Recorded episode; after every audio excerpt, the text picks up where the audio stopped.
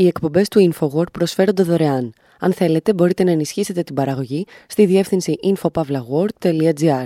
Η διεύθυνση infopavlagor.gr. Η εκπομπή InfoWord με τον Άρη Χατζηστεφάνου.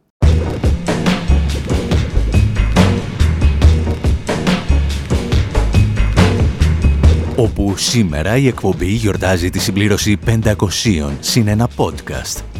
Θεωρητικά θα έπρεπε να γιορτάζουμε μερικές εκατοντάδες περισσότερα, αφού υπάρχουμε στον ραδιοφωνικό αέρα από το 2006. Σήμερα όμως μετράμε τα podcast, τις εκπομπές που είναι διαθέσιμες στο ίντερνετ από το 2012.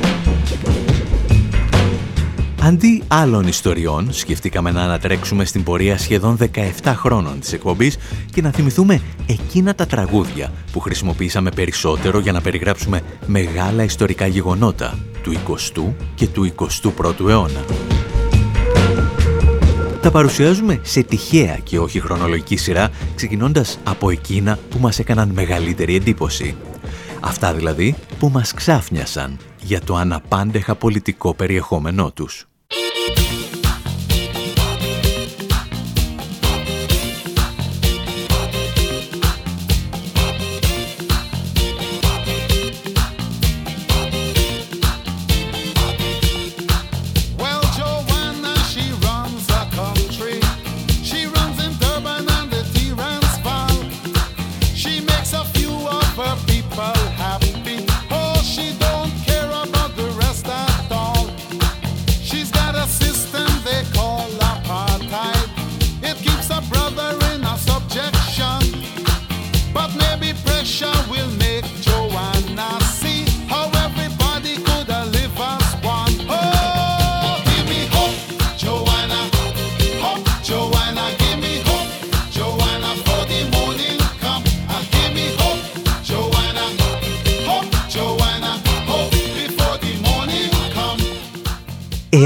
Όση ώρα ακούτε το τραγούδι σιγομουρμουρίζετε «Τζοάννα σ' αγαπώ» σαν τον Πασχάλη, να σας ενημερώσουμε ότι βρίσκεστε ολοκληρωτικά εκτός του κλίματος της εκπομπής. Γιατί εμείς έχουμε επιστρέψει στα μέσα της δεκαετίας του 80 και ακούμε τον Eddie Grant στον απόλυτο ύμνο απέναντι στο ρατσιστικό καθεστώς apartheid της Νότιας Αφρικής. Και η Τζοάννα στην περίπτωσή μας είναι η φιλοφασιστική κυβέρνηση του Johannesburg. Μαθαίνω, λέει, ότι παίρνετε όλα τα λεφτά από τα ορυχεία χρυσού και αγοράζετε νέα όπλα. Και κάθε μαύρη μητέρα στο Σοβέτο εύχεται να μην σκοτώσετε άλλο ένα από τα παιδιά της. Η Τζοάννα της ιστορίας μας κάνει ευτυχισμένους τους λίγους και δεν την νοιάζει τι γίνεται με τους πολλούς, τραγουδά ο Eddie Grant και συνεχίζει. Έχει ένα σύστημα που λέγεται Apartheid. Αν όμως τις ασκήσεις πίεση, ίσως να καταλάβει πως όλοι μπορούμε να ζήσουμε μαζί. Το πιο ενδιαφέρον σημείο του τραγουδιού πάντως είναι εκείνο το κομμάτι που εξυμνεί τους μαύρους μαχητές που συγκρούονται με το καθεστώς του Apartheid. Και οι μαύροι μαχητές εκείνης της εποχής ανήκαν ως επιτοπλίστων στο Κομμουνιστικό Κόμμα, όπου συμμετείχε και ο Νέλσον Μαντέλα και πραγματοποιούσαν επιχειρήσεις που σήμερα θα θεωρούνταν τρομοκρατικές.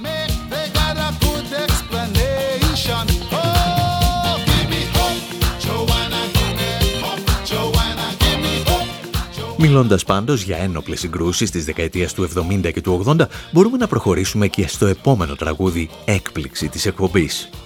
Επιστρέφουμε στην εποχή όπου οι Bonnie M αποφάσισαν να ασχοληθούν με την κατοχή της Βόρειας Ιρλανδίας από τους Άγγλους.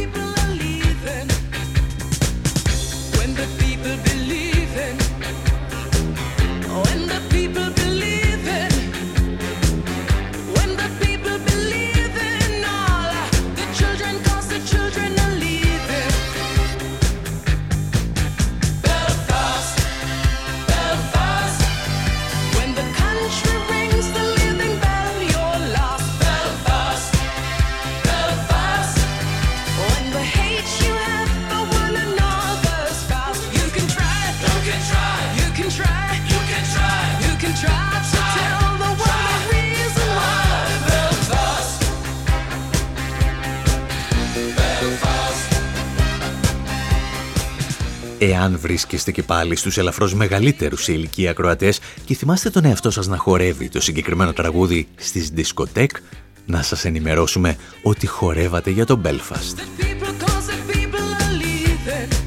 Οι Bonnie M ονόμαζαν το τραγούδι τους Belfast, όπως η πρωτεύουσα της Βόρειας Ιρλανδίας.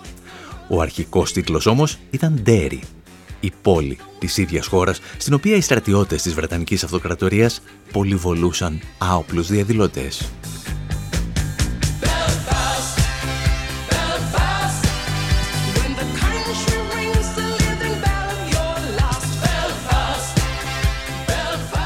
Ο αγώνας των κατοίκων της Βόρειας Ιρλανδίας για ανεξαρτησία συγκέντρωνε κατά διαστήματα το ενδιαφέρον αρκετών ακόμη τραγουδιστών και συγκροτημάτων που δεν φημίζονταν και τόσο για τον πολιτικό τους στίχο.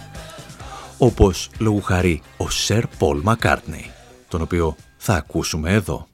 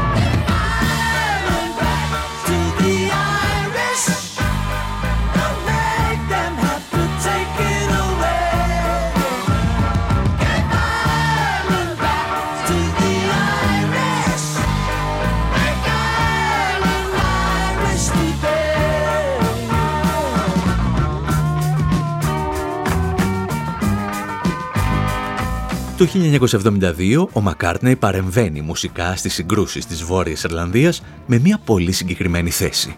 Δώστε την Ιρλανδία στους Ιρλανδούς. Πώς θα σας φαινόταν, λέει, εάν έρχονταν στη Βρετανία Ιρλανδοί στρατιώτες και σας ανάγκαζαν να ξαπλώσετε στο δρόμο με τα χέρια στο κεφάλι; Γιατί εγώ ξέρω κάποιον στην Ιρλανδία που σου μοιάζει και σκέφτεται τι πρέπει να κάνει να μείνει ξαπλωμένος ή να αντισταθεί. Εάν δεν καταλάβατε, ο Πολ Μακάρτνεϊ καλούσε εμέσως τους Ιρλανδούς να συνεχίσουν την ένοπλη εξέγερσή τους. Σε αντίθεση δηλαδή με τους εισαποστάκηδες YouTube και τον πόνο, ο Βρετανός Σερ καταδίκαζε την πολιτική της δικής του χώρας. Και γι' αυτό το τραγούδι μπήκε στη μαύρη λίστα του BBC Λέγεται μάλιστα ότι ο πρόεδρος της EMI τηλεφώνησε στον Μακάρτνε και του εξήγησε ότι δεν πρόκειται να επιτρέψει ποτέ την κυκλοφορία του συγκεκριμένου τραγουδιού.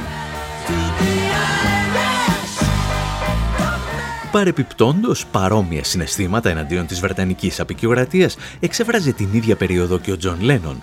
Επειδή όμως αυτό είναι ελαφρώς πιο αναμενόμενο, δεν τον συμπεριλάβαμε στη σημερινή λίστα με τα αναπάντεχα πολιτικά τραγούδια.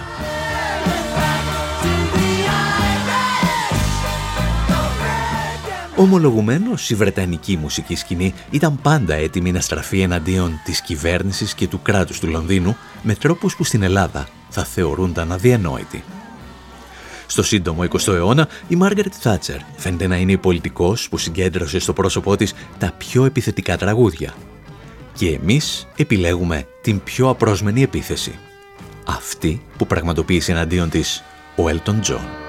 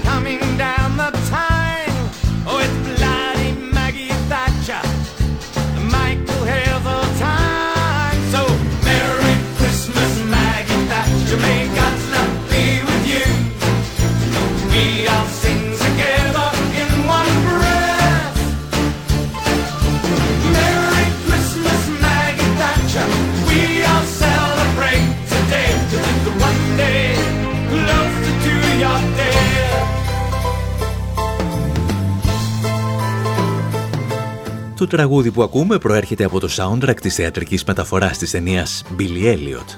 Είναι λέει Χριστούγεννα και οι απεργοί Βρετανοί ανθρακορίχοι του 1984 έχουν έναν ακόμη λόγο να είναι χαρούμενοι. Η νέα χρονιά θα τους φέρει πιο κοντά στο θάνατο της Μάργαρετ Θάτσερ. Τη μουσική και τους στίχους έχει γράψει όπως είπαμε ο λεγόμενος τροβαδούρος του Buckingham, ο Elton John, ο οποίος μπορεί να είναι σερ, αλλά αν χρειαστεί είναι και πραγματικός κύριος. Το πρόβλημα πάντως που αντιμετώπισαν οι παραγωγοί της θεατρικής παράστασης Billy Elliot ήταν ότι πεζόταν και την περίοδο που πέθανε η Θάτσερ. Στην πρώτη παράσταση λοιπόν, μετά το θάνατό της, βγήκαν στη σκηνή και ζήτησαν από το κοινό να ψηφίσει εάν θα έπρεπε να κρατήσουν το τραγούδι που ζητούσε το θάνατο της Θάτσερ. Η απάντηση του κοινού ήταν «Φυσικά και θα το κρατήσετε». Και τα υπόλοιπα είναι απλώς ιστορία.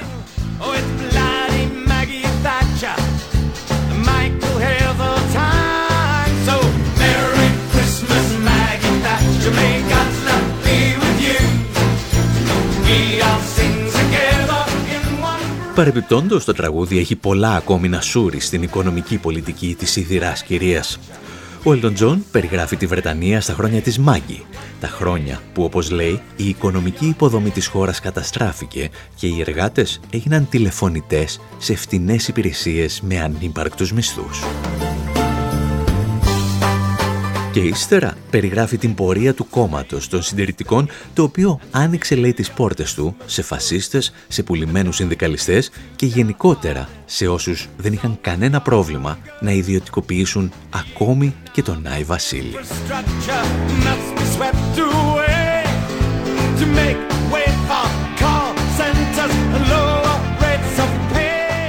Στο Infowar με τον Άρη Χατζηστεφάνου γιορτάζουμε τα 500 συν ένα podcast της εκπομπής, αναζητώντας τα τραγούδια και τους καλλιτέχνες που μας εξέπληξαν με το πολιτικό τους περιεχόμενο.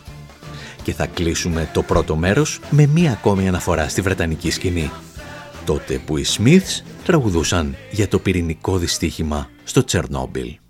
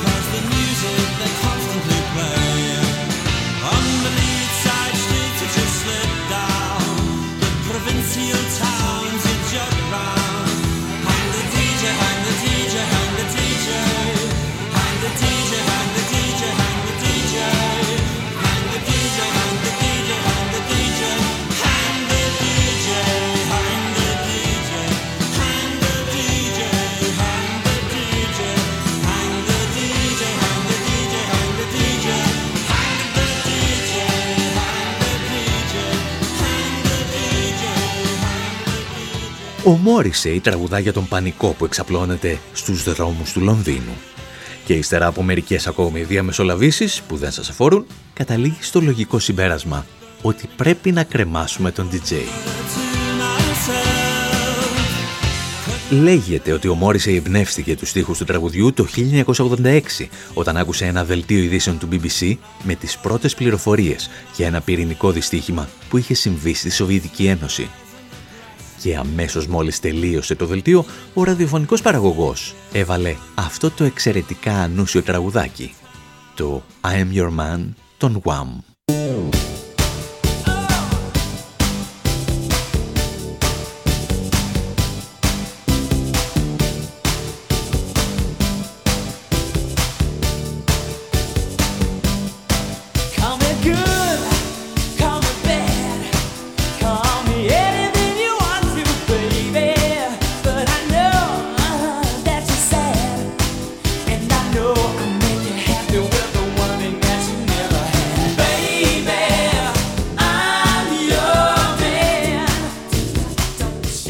Λέγεται ότι ο Μόρισε εκνευρίστηκε τόσο πολύ που το BBC έβαλε ένα χαζοχαρούμενο τραγούδι μετά την είδηση για το Τσερνόμπιλ, ώστε έγραψε τον στίχο «Hank the DJ». «Κρεμάστε τον DJ». Και το δικαιολόγησε λέγοντας ότι η μουσική που παίζει δεν έχει να πει τίποτα σχετικά με τη ζωή μας.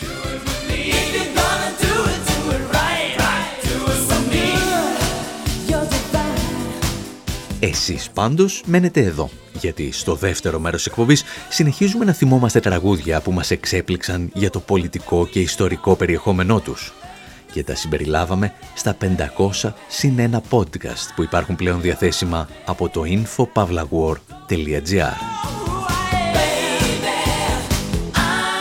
Επειδή όμως έχουμε γενέθλια, κάναμε και μία παρασπονδία. Τους τελευταίους μήνες δουλέψαμε σε μια διαφορετική σειρά τεσσάρων podcast σε παραγωγή του iMed. Βρεθήκαμε στις Ηνωμένες Πολιτείες παρακολουθώντας το εμπόριο αρχαιοτήτων. Κυρίως δηλαδή πως τα προϊόντα λαθρανασκαφών αλλά ακόμη και κλεμμένες αρχαιότητες από μουσεία όλου του κόσμου καταλήγουν στην αγορά τέχνης της Νέας Υόρκης. Παρακολουθήσαμε την ιστορία ενός Αμερικανού πεζοναύτη που κυνηγούσε τα αρχαία κοιμήλια που ανακάλυψε η Αγκάθα Κρίστη σε ανασκαφές στη Μεσοποταμία. Είδαμε τον Χένρι Κίσιγκερ να προσπαθεί να αποτρέψει την έκδοση ενός βιβλίου για την ιστορία του Μητροπολιτικού Μουσείου Τέχνης της Νέας Υόρκης. Και γνωρίσαμε έναν δικηγόρο detective, ο οποίος όταν δεν ψάχνει το κλεμμένο αυτοκίνητο του James Bond, κυκλοφορεί στο μετρό του Μανχάταν με τη ζωοφόρο ενός ναού από την αρχαία Πομπία. Ύστερα πιάσαμε κουβέντα με έναν Έλληνα λομπίστα που εργάζεται για λογαριασμό των μεγαλύτερων μουσείων του κόσμου. Μίλησαμε όμως και με διακεκριμένους αρχαιολόγους που μας εξήγησαν ότι η πολιτική των μουσείων αποτελεί μια νέα μορφή απεικιοκρατίας. Όλα αυτά όμως μπορείτε να τα ακούσετε στη σελίδα imed.org.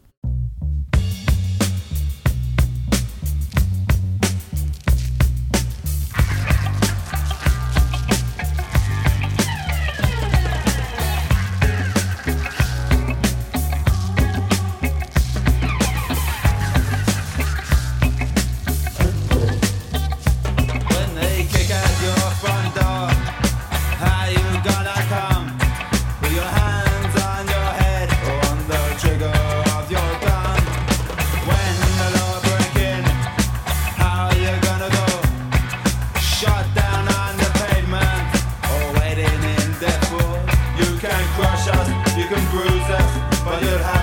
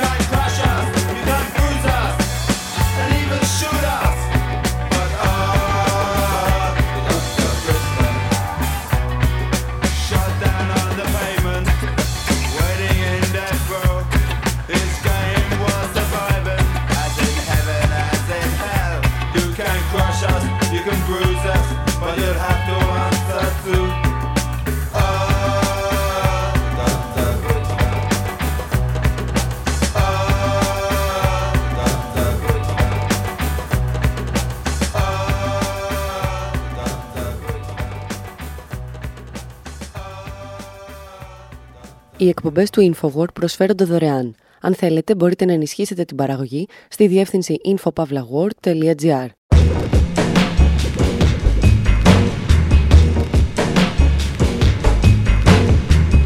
Εκπομπή InfoWord, μέρος δεύτερο όπου συνεχίζουμε με μια εκπομπή αφιερωμένη στα 500 συν ένα podcast που έχουμε ανεβάσει στο ίντερνετ από το 2012 μέχρι σήμερα. Επιλέγουμε εκείνα τα κομμάτια τα οποία όταν φτιάχναμε τις εκπομπές δεν γνωρίζαμε την ιστορία και το πραγματικό τους νόημα και το ανακαλύψαμε σχεδόν μαζί με εσάς. Θα παραμείνουμε για λίγο στο Ηνωμένο Βασίλειο, μέσω του οποίου θα θυμηθούμε όμως ιστορίες για τον Ισπανικό εμφύλιο. Σε αυτή την εκπομπή, όταν αναφερόμασταν στο συγκεκριμένο θέμα, ξεκινούσαμε σχεδόν πάντα με τους Manic Street Preachers και το «If you tolerate this, then your children will be next». Σήμερα όμως θα προσεγγίσουμε τον Ισπανικό εμφύλιο με ολίγων από μετάλλικα.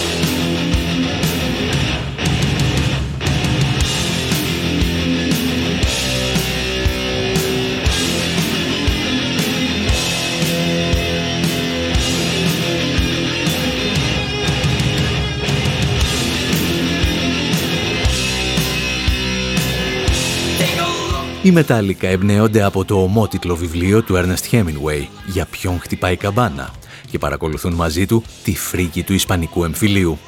Συγκεκριμένα περιγράφουν σκηνές από το κεφάλαιο 27 του βιβλίου, στο οποίο πέντε στρατιώτες βλέπουν το θάνατο να τους πλησιάζει από ψηλά κατά τη διάρκεια ενός αεροπορικού βομβαρδισμού.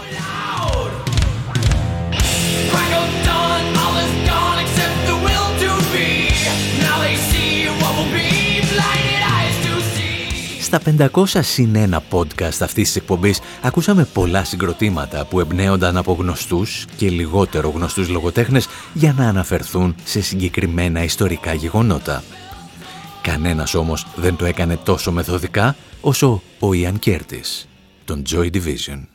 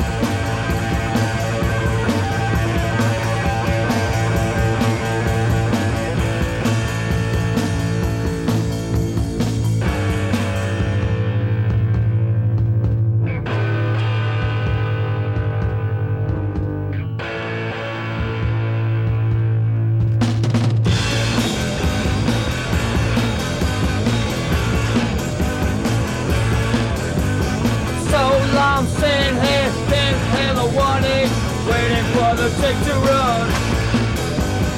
We've been moving around in different situations, knowing that the time would come. Just to see you torn apart. Witness to your empty heart. I need it. I need it. I need it. Through the wire screen, the eyes of those standing outside looked in at her the cage of some rare creature in a zoo. In the hand of one of the assistants, she saw the same instrument as they had that morning, inserted deep into her body. She shuddered instinctively. No life at all in the house of dolls. No, no, no, lost. No, no, no, lost. Όπως έχουμε πει πολλές φορές, η αφήγηση που μόλις ακούσατε στο τέλος του τραγουδιού είναι ένα απόσπασμα από το βιβλίο House of Dolls. Ο συγγραφέας του λεγόταν Γεχέλ Ντενούρ, αλλά προτίμησε να το υπογράψει με το ψευδόνυμο Κατσέτνικ 135633. Το κωδικό που του είχαν δώσει οι δεσμοφύλακές του στο στρατόπεδο συγκέντρωσης του Auschwitz. Για την ιστορία, ο Ντενούρ κατέθεσε στη δίκη του Άιχμαν και μάλιστα λιποθύμησε κατά τη διάρκεια της κατάθεσης. Δεν ήταν, λένε, ότι φοβήθηκε τον Άιχμαν. Ήταν ότι συνειδητοποίησε πως ο Άιχμαν ήταν ένας άνθρωπος σαν κι αυτόν. Περίπου δηλαδή ότι διαπίστωσε με περισσότερα λόγια και η Χαν Άρεντ, γράφοντας την κοινοτοπία του κακού. Στο House of Dolls, ο συγγραφέας περιγράφει την ιστορία ομάδων Εβραίων γυναικών που χρησιμοποιούνταν για την σεξουαλική ικανοποίηση των ναζιστών στρατιωτών, αλλά κυρίως των κρατουμένων, οι οποίοι συνεργάζονταν με τους δεσμότες τους. Και εκείνες οι ομάδες των γυναικών έμειναν στην ιστορία με το όνομα Joy Division.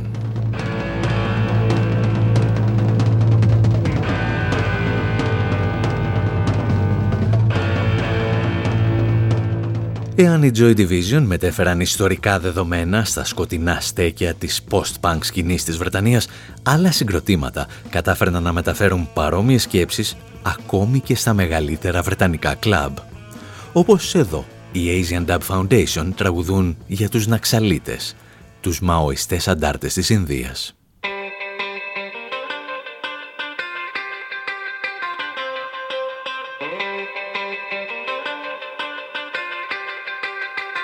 This one's called Naxalites.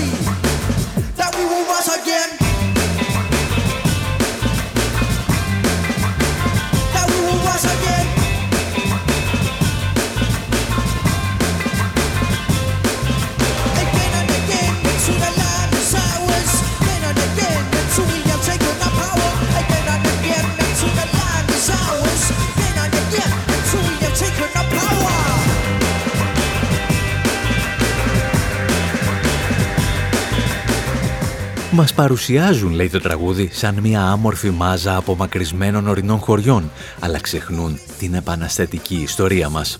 Βαθιά στα δάση και στα βουνά πήραμε έναν όρκο και σύντομα θα αρχίσουμε να κυκλώνουμε τα αστικά κέντρα, γιατί μαχόμαστε για την ισότητα και τη δικαιοσύνη. Fighting for survival and equality. Σύγχρονα αντάρτικα τραγούδια που γράφτηκαν για να μπορούν να παίξουν ακόμη και στα μεγαλύτερα κλαμπ του Λονδίνου.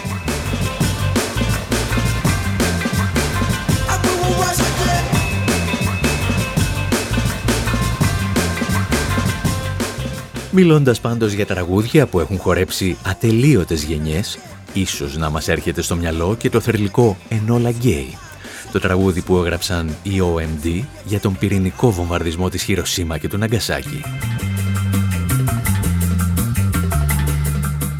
Επειδή όμως το συγκεκριμένο τραγούδι δεν μας εξέπληξε και η αναφορά σε αυτό είναι σαν να κλέβεις μουσική εκκλησία, σκεφτήκαμε ότι θα είχε περισσότερο ενδιαφέρον να ακούσουμε τι είχαν να πούν για τη Χειροσύμα οι τρύπες. Hey, hey, hey,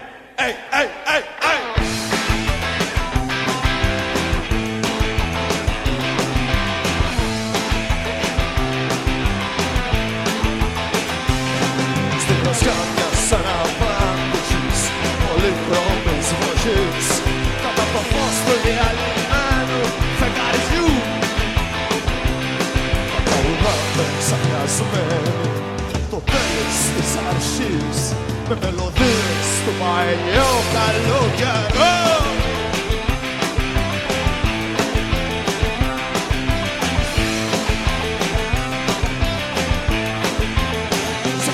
Σε πολιτείες σκοτεινές κατά πηγή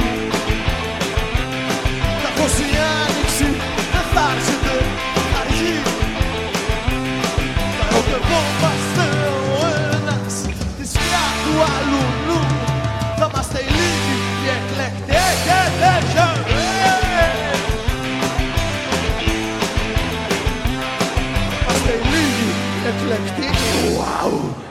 Ο Γιάννης Αγγελάκας από το μακρινό 1987 τραγουδά για τις 6 Αυγούστου του 1965 όταν οι Ηνωμένες Πολιτείες πραγματοποίησαν ένα από τα μεγαλύτερα εγκλήματα πολέμου στην ιστορία της ανθρωπότητας.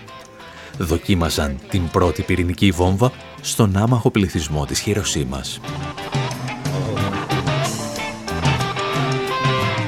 Εμείς πάλι είμαστε η εκπομπή Infowar με τον Άρη Χατζηστεφάνου να παρουσιάζει τραγούδια, το πολιτικό νόημα των οποίων δεν γνωρίζαμε πριν ξεκινήσουμε να κάνουμε αυτή την εκπομπή. Δηλαδή πριν από 16 και κάτι χρόνια. Σε αυτή τη μια μισή δεκαετία αναζητούσαμε πάντα την πολιτική καρδιά συγκροτημάτων και τραγουδιστών που δεν φημίζονταν για τον πολιτικό του στίχο. Και σχεδόν πάντα καταφέρναμε να την εντοπίσουμε όπως κάναμε αμέσως μετά το θάνατο του David Bowie, όταν ανακαλύψαμε τις σχέσεις του με τη Ρόζα Λούξεμπουργκ και τον Μπέρτολ Μπρέχτ.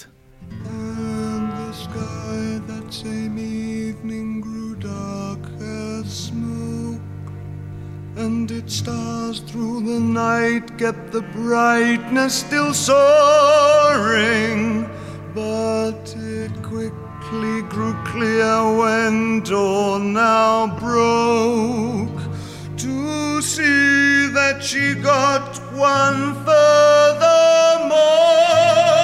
morning once her pallid trunk had rotted beyond repair. Ο David Bowie πίσω στα 1982 τραγουδά ένα μοιρολόι για τη Ρόζα Λούξεμπουργκ. Οι στίχοι ανήκουν στον Μπέρτολτ Μπρεχτ από το ποίημά του «Το πνιγμένο κορίτσι» και τη μουσική υπογράφει ο Κουρτ Βάιλ. Και το ψυχρό σώμα της κοπέλας σε πλήρη αποσύνθεση για το οποίο τραγουδά ο Μπάουι είναι το σώμα της Ρόζα Λούξεμπουργκ, η οποία δολοφονήθηκε στις 15 Ιανουαρίου του 1919. If a woman's hips are ample, then I want her in the hay. Skirt and stocking all a ramble. cheerfully, but that's my way. If the woman bites in pleasure, then I wipe it clean with hay.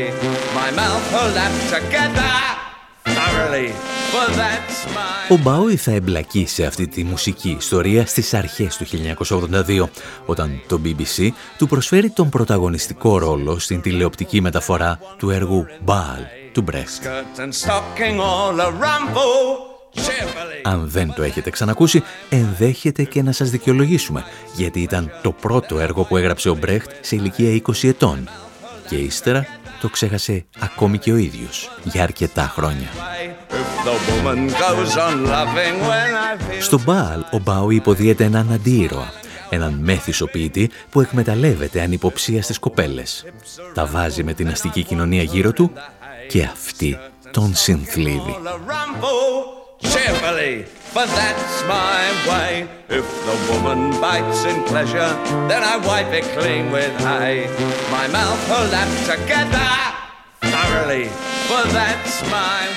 Έκτοτε ο Μπάουι διατηρούσε μια μυστική υπόγεια σχέση με τον Μπρέχτ.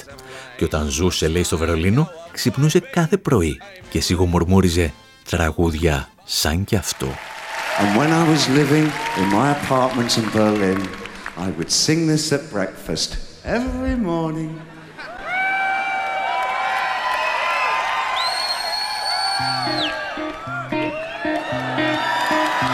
Oh, show me the way to the next whiskey bar. Oh, don't ask why. Oh, don't ask why. For we must find the next whiskey bar. For if we don't find the next whiskey bar, I tell you we must die. I tell you we must die. I tell you, I tell you, I tell you we must die.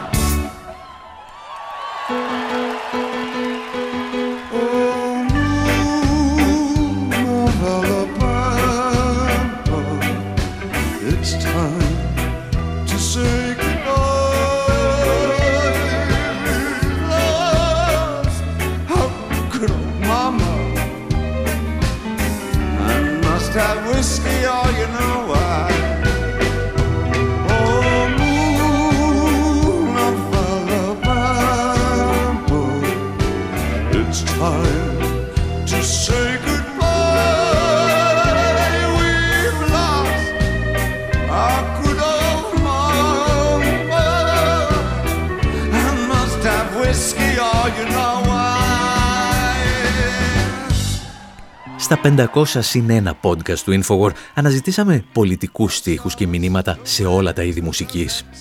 Η hip hop ήταν συχνά η εύκολη λύση, με τους στίχους να σκάνες στα μούτρα σου. Η rock αποτελούσε την παλιά δοκιμασμένη συνταγή με εύκολα κατανοητούς στίχους και η punk συνήθως υπονοούσε αυτά που ήθελε να σου πει. I tell you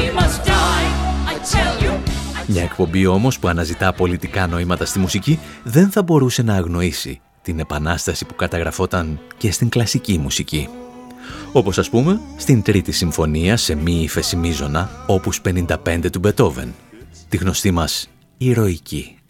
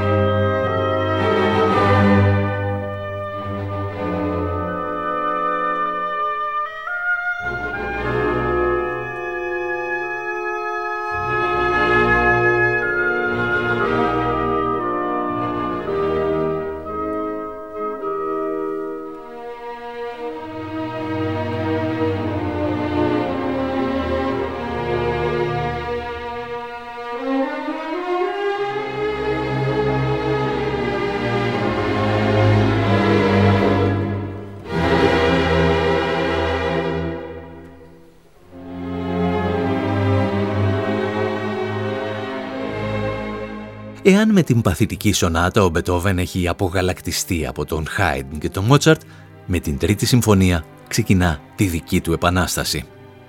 Προφανώς, το βασικό πολιτικό ζήτημα που διαπνέει το έργο του Μπετόβεν είναι η Γαλλική Επανάσταση.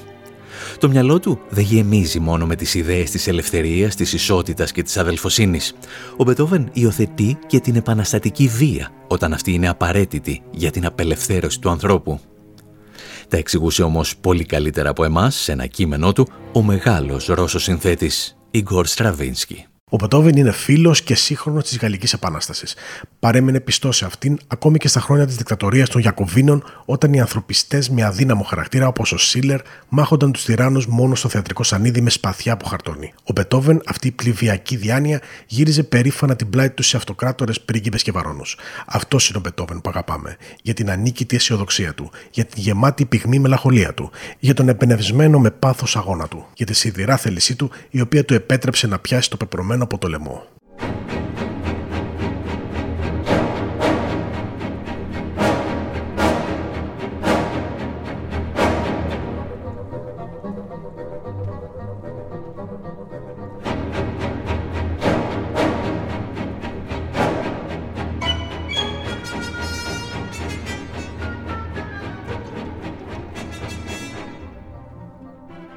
Ο Στραβίνσκι, τον οποίο ακούμε εδώ, έχει πολύ ξεκάθαρη άποψη για τις επαναστατικές ιδέες του Μπετόβεν.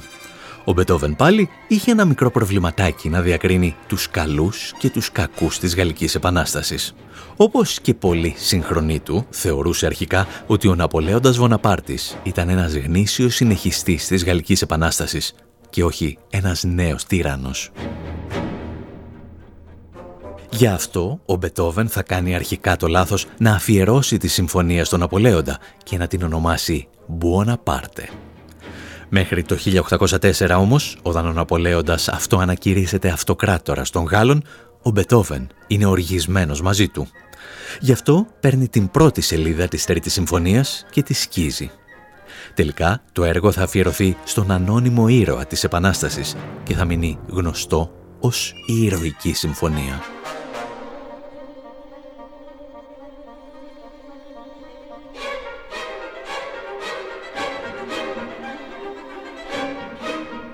Και κάπου εδώ, εμείς λέμε να σας αφήσουμε και για αυτή την εβδομάδα. Ήταν μία εκπομπή αφιερωμένη στα 500 συν 1 podcast του Infowar και συγκεκριμένα σε εκείνα τα τραγούδια και μουσικά κομμάτια τη σημασία των οποίων δεν γνωρίζαμε αρχικά.